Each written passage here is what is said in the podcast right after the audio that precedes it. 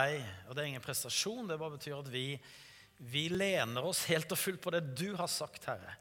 Jeg takker deg, Herre Jesus, for at du er her nå. Du har eh, allerede møtt oss, her gjennom sangen, Herre, gjennom din ånd, gjennom eh, rapporter fra misjonsmarken. Takk at du er en levende frelser som vi får komme til med alt som vi har, og så får vi lov til å tro det som du sier om oss, Herre. Tro ditt ord, Herre, som er levende og virksomt. Og vi vil ta imot ditt ord denne ettermiddagen i Jesu navn.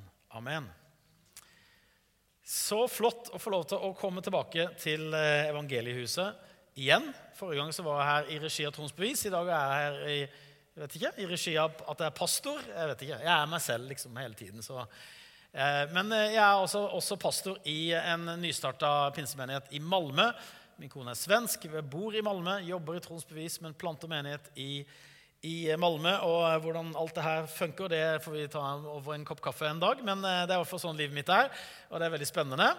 Eh, og i dag så var det veldig spennende å få komme hit, fordi at egentlig så var det en ny rute nå mellom København og, og Sandefjord som var veldig grei. Men så booka videre om, så jeg har altså vært i seks byer og tre land på én dag før jeg akkurat rakk møtet med fem minutter. Så de sendte meg til Stavanger og til Bergen og tilbake til eh, Sandefjord. Helt utrolig sprøtt, men eh, fantastisk godt å få være her sammen med dere. Og nå kjenner jeg at jeg skal ta meg litt vann, for jeg har nesten akkurat kommet ut av flyet. kjennes det som. Så det føltes nesten som sånn misjonstur med troens bevis. Jeg har flydd så mye at jeg tenkte nå er jeg vel i India og skal ut og preke til pastorer. Men eh, jeg er bare i Porsgrunn, da. Men det er ikke så verst, det heller. Ehm, det er jo fantastisk godt å, å liksom være tilbake i, i kirka ehm, fysisk. Og jeg må bare Litt sånn humor fra begynnelsen. Så jeg syns litt så synd på, på, de som på en måte har ehm, vært vant til å sitte langt bak i kirka og måtte være hjemme og se på gudstjenester liksom på bakerste benk. Det må ha vært slitsomt. ikke sant? Du er vant til å sitte på bakerste benk, så tenker du at det er online gudstjeneste. Og så liksom vet du ikke helt hvordan. Så det er veldig godt å være tilbake. er det ikke det? Det var ikke så mange som lo, men eh, det er greit nok. Eh, Trond han har gitt meg frihet til å tale om det jeg har på hjertet. Og da er det en eh, spesiell tekst som har blitt levende for meg, nesten som en som en sånn oppstartstekst for menigheten etter pandemien. og Nå har vi jo vært i gang en stund, jeg vet jo det, men det har jo likevel prega oss. Og uansett om det hadde vært pandemi eller ikke, så tror jeg at denne teksten her er noe som vi trenger å høre igjen og igjen. Og det er en veldig konkret hendelse som vi skal se på eh, i den boka i Bibelen som handler om hva som skjedde etter at Jesus hadde vært her og dødd på korset, stått opp fra de døde, så har vi en veldig spennende bok eh, som ikke på en måte er ren sånn teologi og undervisning. Det er veldig viktig. Det har vi mye av med brevene. Men det er på en måte en actionbok. Det er en bok som viser hva som skjer med sånne som deg og meg. For mennesker er ikke så forskjellige, selv om det er kultur, forskjellige kulturer. og sånn, Så er det mennesker. Så vi har virkelig mye å lære av den boka. For vi ser hva er det som kan skje med mennesker som møter Jesus. Og ikke bare enkeltmennesker, men med et fellesskap. Så jeg har kalt talen for 'Menighetens comeback etter pandemien'. Jeg kunne også kalt den for 'Den hellige ånd former menigheten'. Um, og Den hellige ånd er jo på jorda. Du visste det? Den hellige ånd er i Porsgrunn. Det er jo rart at ikke det er en sak i kommunestyret. liksom. Vet dere hva Den hellige ånd er i Porsgrunn? Hva skal vi gjøre med det? For det, er ikke liksom en sånn fantasigreie, men det er noe spesielt en pinsemenighet liksom holder fram det. Den hellige ånd fins nå. Ordet 'nå' har mye med Den hellige ånd å gjøre. For han er her nå. Og han kan gjøre noe i ditt liv nå, i din familie nå, i situasjonen med barna, i, i helse, i det, ting du står i. Den hellige ånd er nå. Gud er nå. Jesus er nå, gjennom Den hellige ånd, virksom i Porsgrunn. Eh, og Det som skjedde med de første kristne, det skjer nemlig igjen og igjen over hele verden. Jeg synes vi hørte det i denne misjonsrapporten også. Eh, det kan skje hele tiden, og det skal skje hele tiden. Igjen og igjen i Porsgrunn med stadig nye mennesker. Og Vi skal lese fra Apostelens gjerninger 2, 41-47. Og Der oppdager vi flere ting som Gud gjør i og gjennom de som har fått opplevd å møte Jesus. Vi leser i Jesu navn. De som nå tok imot Hans ord med glede, ble døpt. Og Den dagen ble omkring 3000 sjeler lagt til de andre. De holdt hele tiden urokkelig fast ved apostelens lære, samfunnet, brødsbrytelsen og ved bønnene. Da kom det frykt over hver sjel, og mange under og tegn ble gjort ved apostlene. Alle som trodde, var sammen og hadde alle ting felles. De solgte av eiendelene og det de hadde, og delte ut til alle ettersom enhver hadde behov. De holdt seg daglig med samstemt sinn i tempelet, og de brøt brød i hjemmene. De spiste sin mat med glede og hjertets oppriktighet.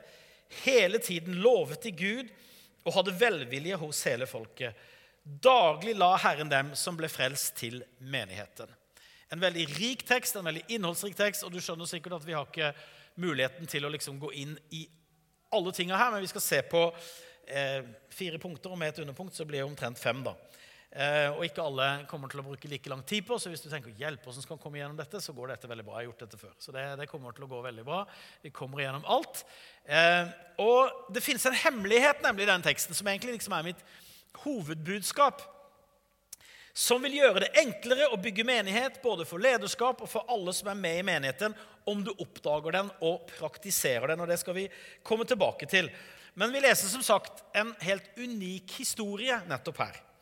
Den blir på mange måter en form for en mønsterhistorie for alle menigheter, og også denne menigheten. Det er en veldig vakker og nesten utrolig historie. Og jeg ville hatt vanskelig å trodd på den. Hvis det ikke var sånn at Lukas, som har skrevet Apostelens gjerninger, også i resten av boka beskriver alle problemene som oppstår i den første menighet. Så slapp av, de er der også. De kommer liksom litt senere. Men det er et eller annet med, denne, med disse versene her som forsøker å løfte fram en mønsterhistorie som er med på å inspirere oss og justere oss.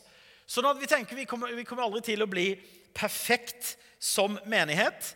Eh, menigheten er aldri perfekt, men menigheten tror på den perfekte. Det er egentlig det som er greia. Vi er et fellesskap av uperfekte mennesker som samles rundt den perfekte.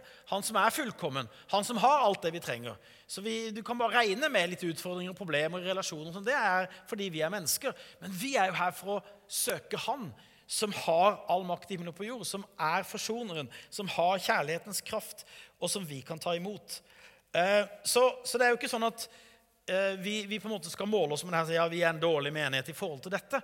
Nei, dette skal inspirere oss. Fordi dette er evangeliet. Hvorfor er det evangeliet? Fordi dette er et resultat av hva Ånden gjør i mennesker. Det er altså ikke et resultat av kløkt og gode strategier og liksom masse seminarer man har vært på, som man tenkte ut dette her. Dette bare skjer ved at Den hellige ånd kommer inn i mennesker, og så finnes det lederskap der, som Gud også har satt i menigheten. Og så blir det et helt nytt folk. Det blir noe nytt som skjer. Og Vi skal se på noen, noen punkter eh, ved å svare på noen viktige eh, spørsmål. Eh, eller Det første vi skal svare på, eh, er et spørsmål, og det er hvem er egentlig Kirken? Hvem er egentlig Kirken? Vi leste de som nå tok imot Hans ord med glede, ble døpt, og den dagen ble omkring 3000 sjeler lagt til de andre. Og Allerede her så ser vi et hint til det jeg skal komme tilbake til denne hemmeligheten som jeg snart skal røpe for deg. For det står de tok imot Hans ord med glede. Menigheten, dere. Hvordan fødes menigheten? I glede. Den fødes i glede. Det starter med mennesker som blir glade.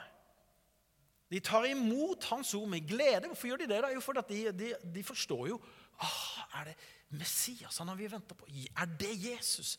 Og så får de møte eh, Jesus i sitt hjerte gjennom at Den hellige ånd kommer. Og så tar de imot dette her med glede, fordi at de forstår at frelsen er kommet. Men dette verset svarer også på et spørsmål. Hvem er menigheten? Hvem er den ekte kirken? Og Dette er jo veldig basic, men det er et viktig spørsmål.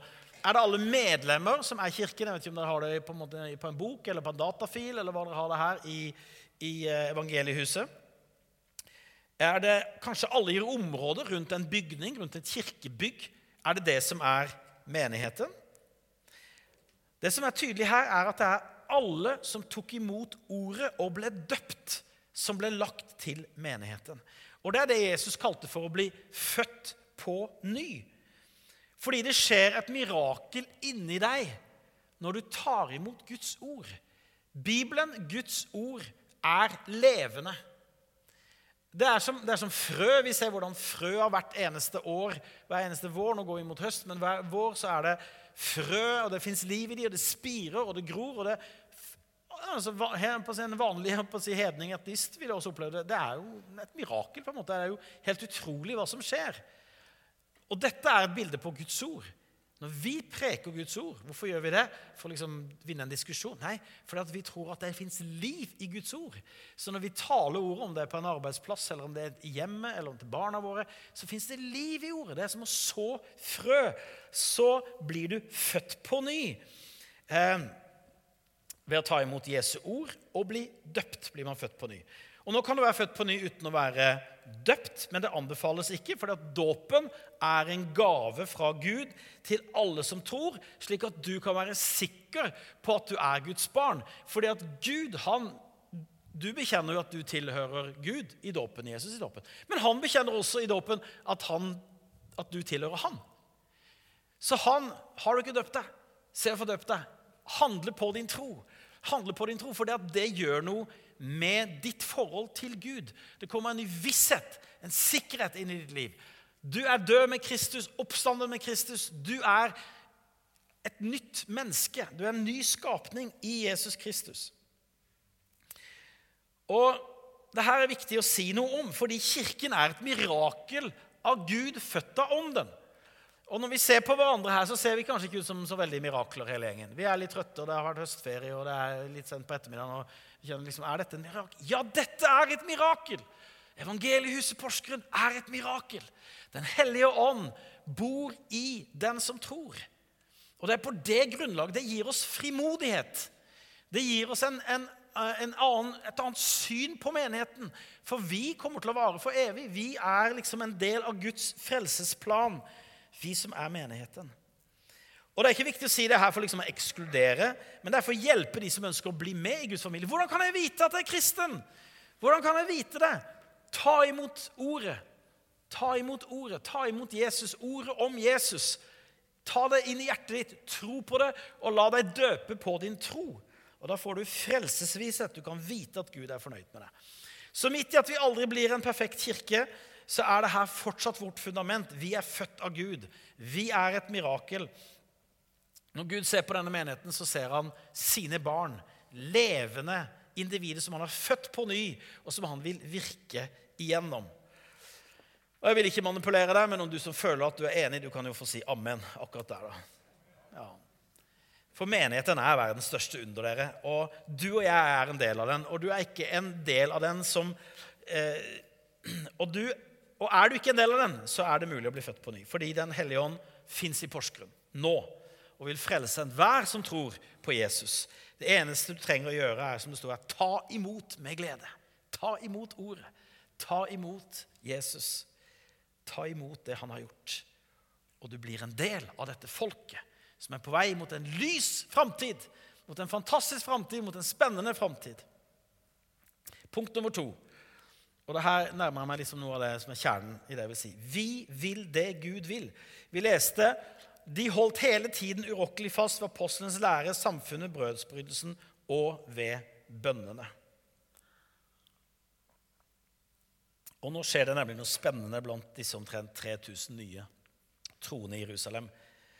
Det Lukas beskriver her, er et veldig viktig prinsipp i en kirke. Og det er denne hemmeligheten som jeg nevnte i begynnelsen og som jeg som pastor ofte trenger å minne meg selv på. Og det er det greske ordet. Det er et gresk ord her som eh, eh, heter proskartereo. Proskartereo. Eh, og som på grunn av sin grammatiske bøying, som jeg ikke går inn på nå, så kan det best oversettes med På engelsk så, så står det i mange bibler They devoted themselves. På norsk kanskje 'de overlot seg selv til'. Det er dekkende. Eller 'de ga seg hen til'. Altså ikke 'de ble vervet til', 'de ble overtalt til', 'de ble presset til', 'de ble manipulert til', 'de ble mast på til'. Nei, 'they devoted themselves'. De gjorde det selv. Noe skjedde i de som gjorde at det kom en respons. Som ikke var liksom bra lederskapstriks, først og fremst, men som var et verk av Den hellige ånd. Og det her er en nøkkel i hvordan vi bygger menighet.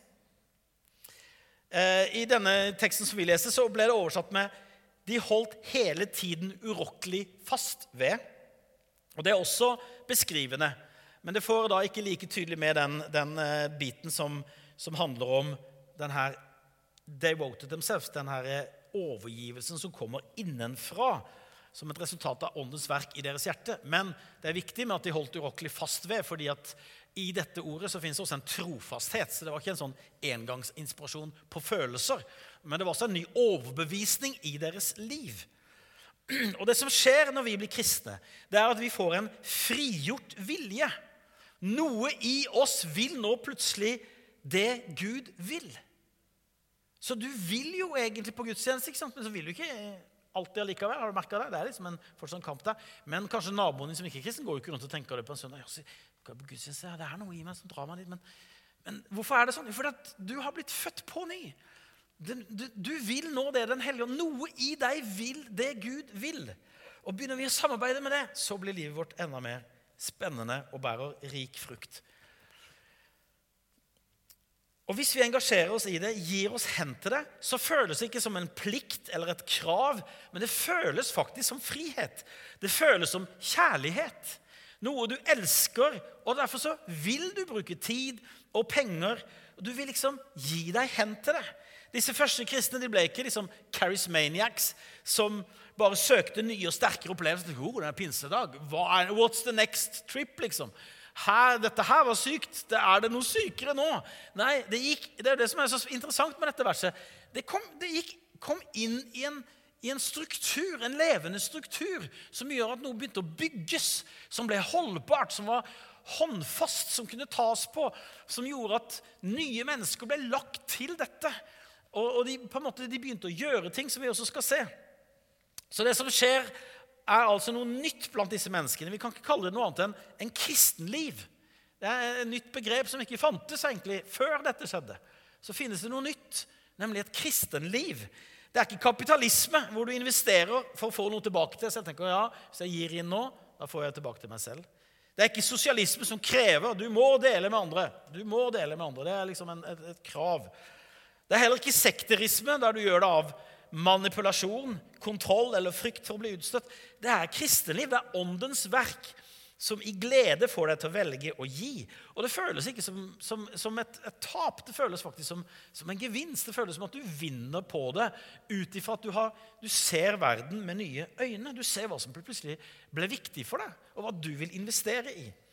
Det er en overgivelse til ikke noe du bare tenker dette er riktig rent sånn intellektuelt, men til noe du nå tilhører og som har blitt en del av deg. Dette er nå din nye verden, din nye framtid, ditt nye liv, din nye familie. Det er helt frivillig, men det er samtidig ikke frikobla. Det er frivillig på den måten at nå har du endelig kommet tilbake til det du er skapt for og til. Til å tilhøre Gud selv, til å tilhøre dette folket. Og så kommer jeg til ja, men det er ikke perfekt, jeg blir litt såra, jeg er ikke helt fornøyd. jeg er ikke... Ja, og, og velkommen til virkeligheten. Sånn vil det være fram til Jesus kommer tilbake og vi skal bli, bli ham helt lik. Men det verket som Den hellige ånd har gjort i deg, det er perfekt. Vi er ikke perfekte, men det han har gjort i deg, er perfekt. Og Det er det jeg taler om i dag. Jeg taler til det som har skjedd i hjertet ditt, sånn at du igjen skal liksom slippe det løs og merke at noe liksom livner der inne.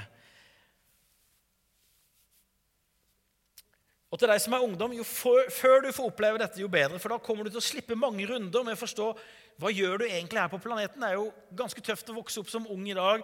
For du må, liksom, du må finne opp hele livet ditt. liksom. Du, må, du, har så mange valgmuligheter. Og så er det opp til deg. Du må velge rett, og du må ta de riktige valgene. Og så er det liksom din feil hvis du valgte feil og ikke ble liksom Eh, nådde dine drømmer og nådde dine mål. Og, men her her får du allerede, kommer du inn i det som virkelig er verdt noe. Å gi sitt liv inn i Guds rike og det å bygge menighet og det å være med i det Gud gjør, det er da du blir tilfreds. Og folkens, Det er altså denne devoted themselves-faktoren som bestemmer hva en kirke kan gjøre sammen.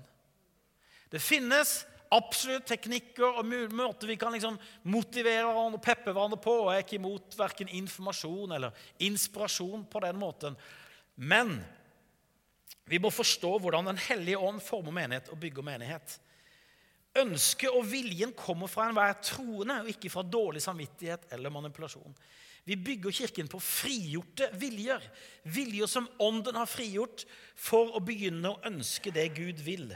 Og det er virkelig frihet. Frihet er ikke å få lov til å gjøre som vi vil, men det er å bli forandra på innsiden, sånn at vi blir fri til å gjøre det Gud vil. For synden vil få oss til å ikke gjøre det Gud vil. Den vil dra oss bort. Og den lyver til oss og sier at du klarer deg uten Gud, og du kan søke noe annet, søke lykke noe annet sted hos Han som er kilden. Men Den hellige ånd gjør at du vendes bort ifra det, og så ser du, og så begynner du å søke kilden. Du vil ikke ha, lenger ha synden som binder deg, men du vil ha det du ble skapt til. Jesus sa, 'Jeg vil bygge min menighet', og derfor er et tegn på at du følger Jesus, at du vil det han vil. Så hvis du står der som pastor eller menighetsleder, og kanskje økonomien går ned, eller færre kommer på gudstjeneste når sola skinner, eller ingen vil hjelpe til som møtevert eller på søndagsskolen, hva gjør du da? Ja, Det er jo fristelsen ikke sant? å begynne å klage eller bli motløs. Og det er ikke alltid like lett når du bærer ansvar. Det vet du sikkert, du som bærer ansvar i denne menigheten. Åh, kan ikke folk engasjere seg litt mer? Åh, de, altså, sånn, er det, sånn, er det, overalt. Det er liksom, Oi, ja. Visste du det om evangeliehuset? At vi har det sånn av og til? Ja, sånn er det i alle menigheter. Eh, noen lager det litt finere på Instagram enn det faktisk er. Eh, men, men dette er en utfordring fordi vi er mennesker.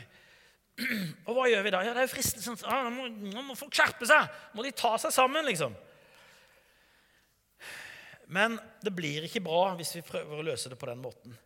Vi trenger oppmuntring, vi trenger inspirasjon, vi trenger informasjon om hva tilstanden er på ulike områder i menigheten. Eh, men jeg har bestemt meg for å fortsette å tro på at Den hellige ånd gjennom ordet og bønnen fyller menigheten, sånn at vi selv ønsker å gjøre det Gud vil. Ta, ta, et øyeblikk og tenk etter. Har du, når jeg snakker om Proscar tereo-følelsen inni deg, altså 'they devoted themselves', kan du kjenne igjen noe av det? Finnes det tider i ditt liv hvor du kjenner det der, nå kjente jeg en lyst.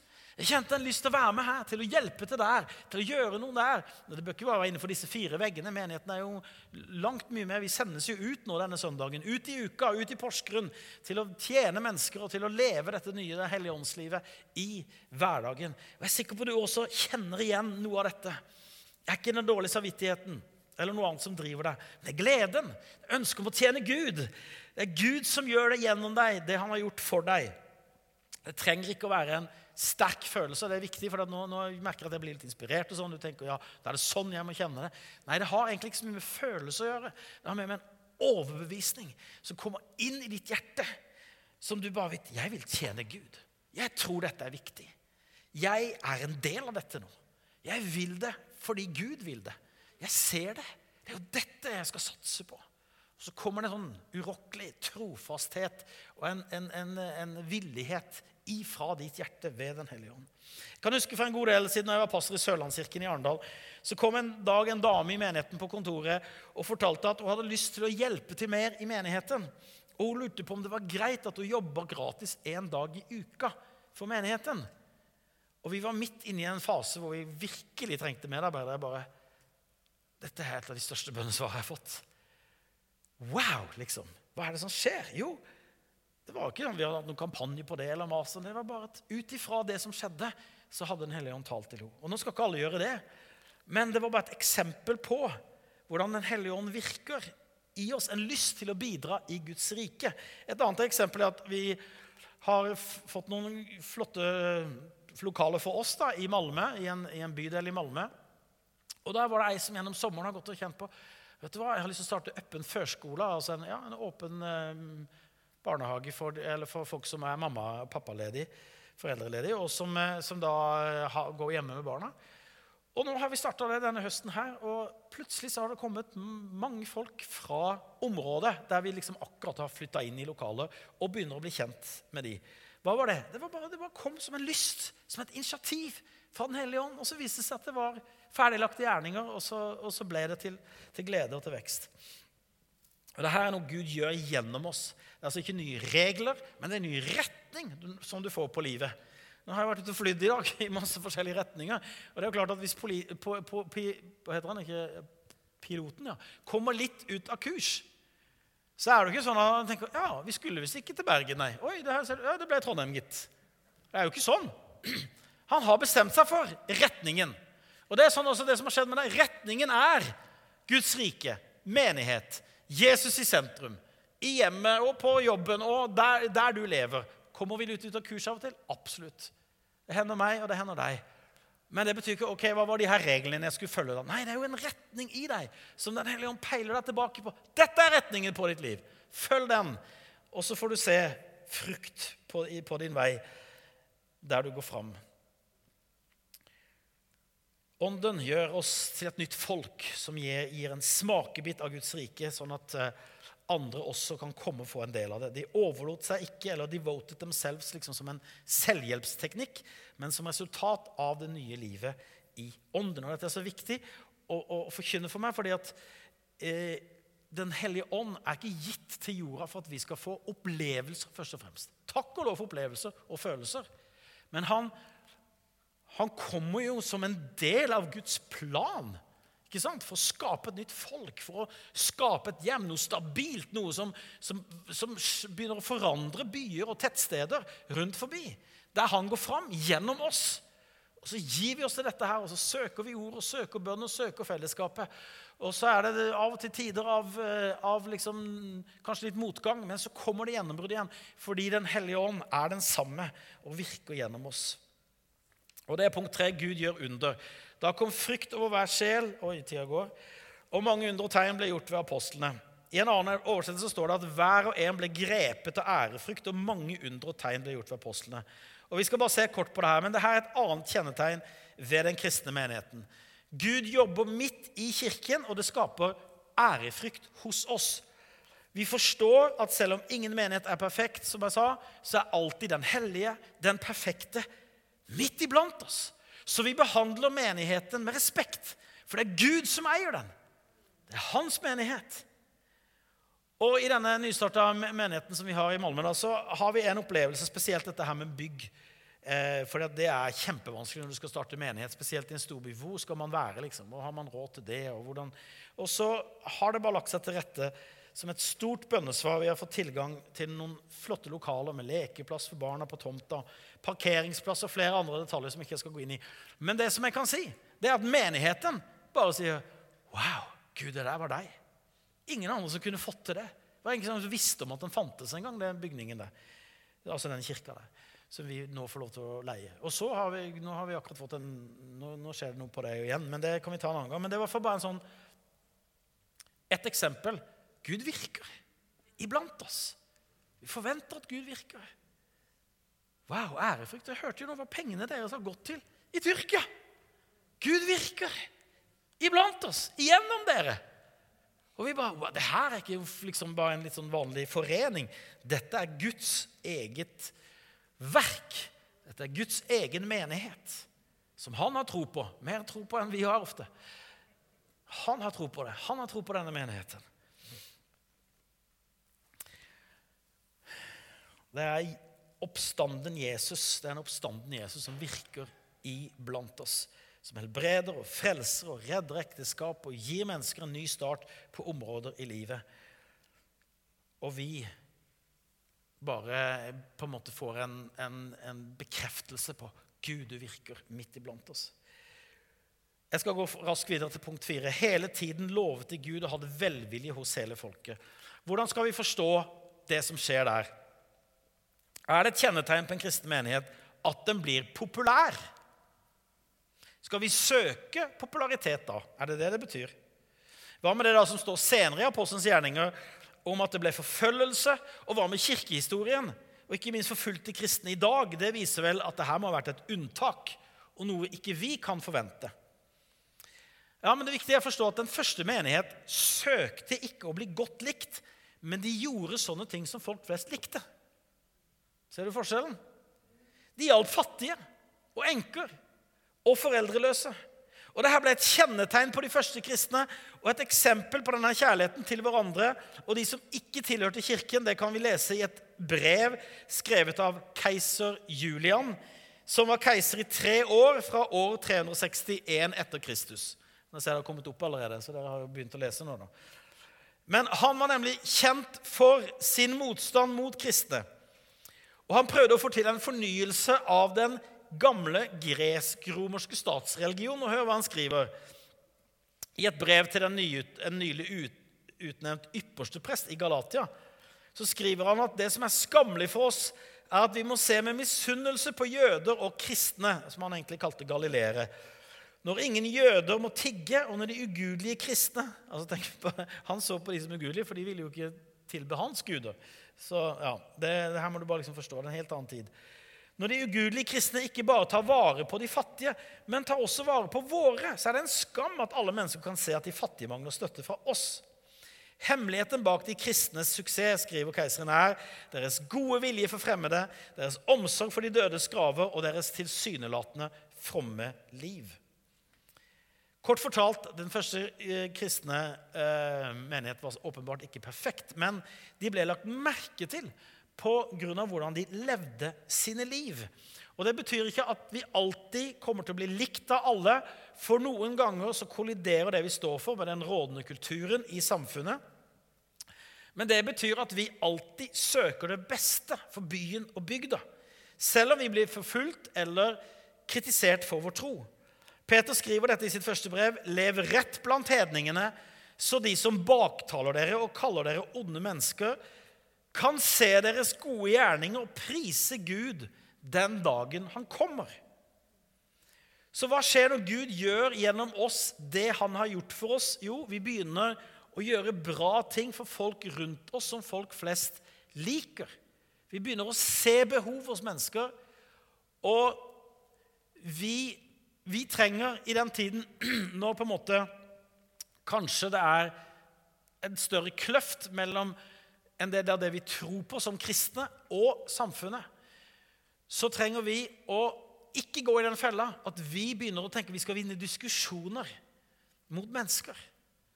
Det er to ting vi skal gjøre. Det er at Vi skal være frimodige med det kristne budskapet. For det er gode nyheter, så vi diskuterer ikke for å vinne diskusjoner. Vi forkynner vi forkynner den kristne samlivsetikken.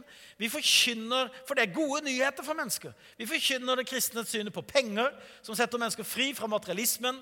og Der trenger vi alle sammen å bli fri. Vi forkynner det! Det er gode nyheter. Vi skammer oss ikke for det. Dette er gode nyheter. I motvind og medvind så er det gode nyheter. Og det andre vi gjør, er at vi gjør godt. Vi fortsetter å gjøre godt. Vi velsigner, vi elsker våre fiender, sa Jesus. Vi velsigner alle mennesker. Vi, vi tror på radikal barmhjertighet og godhet. Og der trenger vi Den hellige ånd til. Altså, du har noe i deg. Du har fått gaver. Du ser behov. Du ser noe som andre ikke ser, for Gud bruker dine øyne til å se mennesker. Og det lille er aldri lite når det er gjort ut ifra et hint fra Herren, et hint fra Den hellige ånd. Du vet ikke hva det kan bli ut av det. Bare den lille innskytelsen som kom til denne dama i sommer, det ble til at vi nå har Hver onsdag så inviterer vi inn nabo, fra nabolaget. Vi kan gjøre godt, ikke ut ifra dårlig samvittighet, men ut ifra den gode Hellige Ånd som bor i oss. Og vi kan gjøre felles ting som menighet, og vi kan gjøre enkelte ting som troende der vi bor, og der vi jobber. Og Det siste jeg vil ta med daglig la Herren dem som ble frelst, til menigheten. Eh, det her er jo liksom en sånn alle menigheter lengter etter. Hvordan kan vi se flere mennesker komme til tro og bli en del av menigheten og se menigheten vokse? De vokste jo gjennom at nye mennesker kom til tro på Jesus. Og jeg eh, har liksom Jeg skal ikke ta en lang runde på det, men det, det, står i Bibelen at vi ikke kan få til vekst. Det er Gud som gir vekst. Eh, så vi kan gå i en grøft. det er at Vi holder på å prøve å skape vekst. Og så står det at det er Gud som gir vekst. Så vi sliter oss ut på det, for vi skal få det til å vokse. Den andre grøfta er at vi glemmer at det står at Gud gir vekst. Så vi har ikke en, en tanke om å forvalte den veksten som Gud gir. Vi forventer ikke vekst. Ja, men Da tror vi ikke på Gud, for han gir jo vekst. Så vi må være bra forvaltere av den veksten Gud gir. Og Det bekrefter jo det her verset her, da, at Gud gir vekst. Men det viser også vår side av menighetens vekst. Og Det er godt å vite at ansvaret for verdens frelse ikke ligger på oss, men på Gud. Og Det har det alltid gjort, og det gjør det fortsatt. Meg er gitt all makt i himmelen og på jord. Gå derfor ut. Altså ikke gå ut for å gi meg makt, men gå ut fordi jeg har all makt. Men vi er en del av Guds plan, og det er to ting som er vår del i dette med menighetsvekst. Vi kan kalle det at, at nye mennesker kommer til tro, blir en del av menigheten. Det ene er at vi ber for vår verden. Altså at vi lever et liv i hverdagen med troen på dette løftet som finnes over enhver troende, som står i Apostelens gjerninger 1631. Det står ikke folk på skjermen. Men du skal bli frelst, du og hele ditt hus. Du skal bli frelst, du og hele ditt oikos. Oikos det er et nettverk av dine, ditt nettverk av venner, arbeidskamerater, familie. Din verden. Det hviler ikke et krav, ikke en plikt over ditt liv, men det hviler et løfte over ditt liv. At du ble frelst for å frelse andre. Du ble frelst med en hensikt. Så det er også Når du studerer antropologi og sosiologi i hvordan den første kristne menighet vokste, så vil du se dette her, at det var forandra liv som ble et vitnesbyrd inn i nye verdener. Som gjorde at folk kom til tro. Og så var det viktig med apostlene, og alt det der, men det var først og fremst det som skapte den veksten. Så det er det første som må fungere i en menighet som skal vokse. Det er at hver troende begynner å be for mennesker som ennå ikke kjenner Jesus. Og vet du hvorfor det er tøft? Jo, fordi at de tror jo ikke. Og du tror heller ikke at de kommer til å tro noen gang. Du syns det er så umulig. Du syns det ser helt umulig ut. Og du kan gi masse argumenter for de der, skjønner du, de og sånn og videre. Ja, Men det er jo det som er poenget med å be.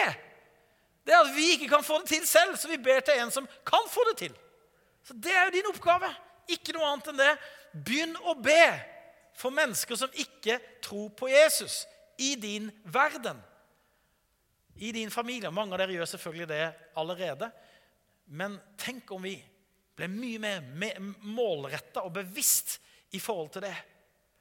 Og så bruker vi selvfølgelig tid med disse. Ikke for at nå skal vi vinne de, de frelsesobjekter, fordi vi er glad i de. Fordi vi er glad i de, Og når muligheten gis, så er vi rede til å dele evangeliet. Når døra er åpen, liksom. Så det er den ene hånda liksom, som må fungere i en menighet. Det andre er at det må være en menighet som vil vokse.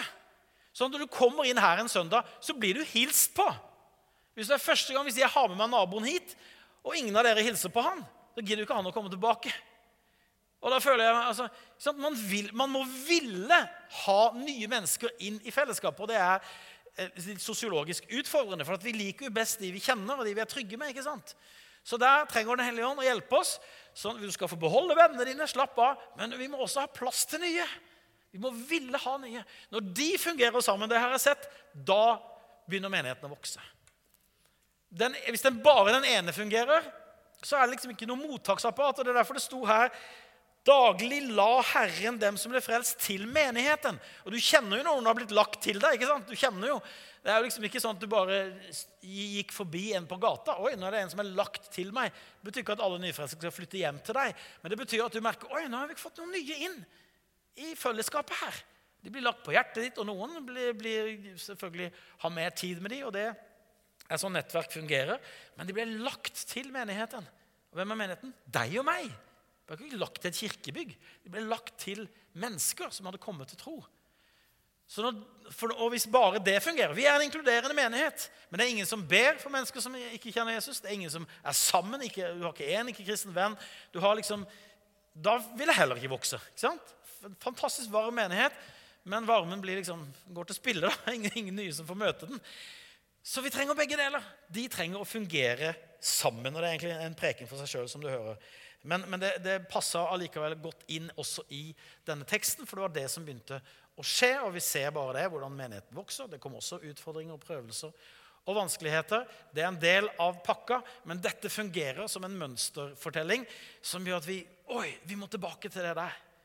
Vi må tilbake til det her enkle at Den hellige ånd virker i oss. They devoted themselves. Så det skjer noe i deg Dere har fantastisk pastor på her. Det er forresten Pastor Appreciation Month, som det heter i Amerika nå. Vi er ikke så gode på det i Norge. Sette pris på pastoren din. Måned. Nå har jeg sagt det her, så kan du sende mail til min menighet og fortelle de det. Så, ja. Gi de en blomst, Trond og Inger. Det er veldig bra. Nei, men det, Poenget er at dette her er noe som skjer i oss, som Den hellige ånd virker fram. Og derfor, så, så, sånn som vi prøver å lede menigheten i Malmö, så er det at OK, hva, hva har vi av overskudd som Gud gjør i menneskers liv? Og så bygger vi ut ifra det, og ikke ut ifra ambisjon. Sånn skal vi bli. Vi vil også ha det. Dette må vi få til, dere. Wow, wow, wow. Nei, men, men vi kan jo ikke få det til hvis det ikke fins i ditt hjerte. Men Den hellige ånd vil jo mer. Men da må vi forkynne evangeliet. Og så la Den hellige ånd få virke i menneskers hjerte. Og han virker jo ikke bare nye ting. Han virker jo også folk som har lyst til å hjelpe til på søndagsskolen. Folk som har lyst til å ta tak i ungdomsarbeidet. Folk som har lyst til å være møteverter. Folk som har lyst til å starte alfakurs. Folk, altså det er jo ting som vi allerede gjør også, som han liksom skaper en lyst og initiativ i oss. Fordi vi ønsker at Guds menighet den skal være frisk, den skal være full av overskudd. Den skal, den skal være uh, levende. Det, skal, det, er ikke et museum vi går til liksom, og minnes noe gammelt. Det er noe vi lever i i Porsgrunn nå, fordi Den hellige ånd fins i Porsgrunn. Jeg vet ikke om lovsangerne kommer fram, eller hvordan dere gjør det, men jeg vil bare avslutte med at jeg tror at Den hellige ånd har talt til deg i dag. Og jeg tror at uh, noe vekkes opp også hos noen av dere. Det kan være at du har vært med i gamet veldig lenge, eller det kan være at du er ganske ny. Men noe vekkes i deg. Som ikke liksom, Jeg har ikke nevnt det engang. Det er ikke noe jeg, det er ikke pga. meg. Det er ikke pga. Liksom, den prekenen jeg har holdt. Det er Den hellige ånd som vekker noe i deg. Det kan være bønnetjeneste, det kan være givertjeneste, det kan være omsorg, det kan være initiativ på jobben, i nabolaget. Det kan være noe i menigheten. Og det skal du ta vare på. Og så skal du følge det videre. Og jeg skal ikke ta deg fram, men jeg har bare lyst til, vi, hvis vi kan bare lukke øynene, så, så, kan jeg få lov til å be for deg som kjenner vet du hva, Den hellige ånd taler til meg. Han gjør noe i meg. Så vil jeg bare velsigne det som Gud gjør, og at jeg skal få lov til å gi frukt. Så hvis du er her som vil at jeg skal be for deg for at du kjente det Den hellige ånd har talt til deg. Den hellige ånd har berørt deg på en, på en spesiell måte. Gud velsigne deg og deg og deg og deg og flere hender her. Og deg også. Og deg. Amen. Og det er ikke den, det hånda, men det hjelper deg. Men det som, det som er, det, det, handler om å, om å liksom bevare det som noe hellig. Ta det med deg hjem. Skriv det kanskje ned. Ta det med i, i, i bønn hjem. Herre, si det gjerne til noen hvis du merker at det, det er noen du har uh, tillit til. At det kan hjelpe deg i liksom å komme ut i dette eller inn i dette. Takk, himmelske Far, for denne menigheten som du har født ved din ånd. Du, Hellige Ånd, bor i denne menigheten. Takk, Herre, for hver eneste troende. Takk at du har gitt oss et nytt liv. Og Jeg bare ber om at ting skal spire og gro og boble, og troen skal øke, Herre på hva du kan gjøre midt iblant oss fordi du er her med din ånd, Herre. Du har født oss på ny. Og Det er prinsipielt ingen forskjell her på den menigheten vi har lest om i dag, og denne menigheten. For Den hellige ånd er den samme, og ordet er den samme, og Jesu verk på korset er det samme. Og du er satt opp fra de døde, og du er den samme oppstandende Jesus Kristus. Jeg takker deg for at du skal bruke denne menigheten til i Porsgrunn, Herre, i hverdagen, Herre, og på søndager, Herre, som fellesskap, Herre, og som enkeltindivider. Jeg velsigner hver og en i Jesu Kristi navn.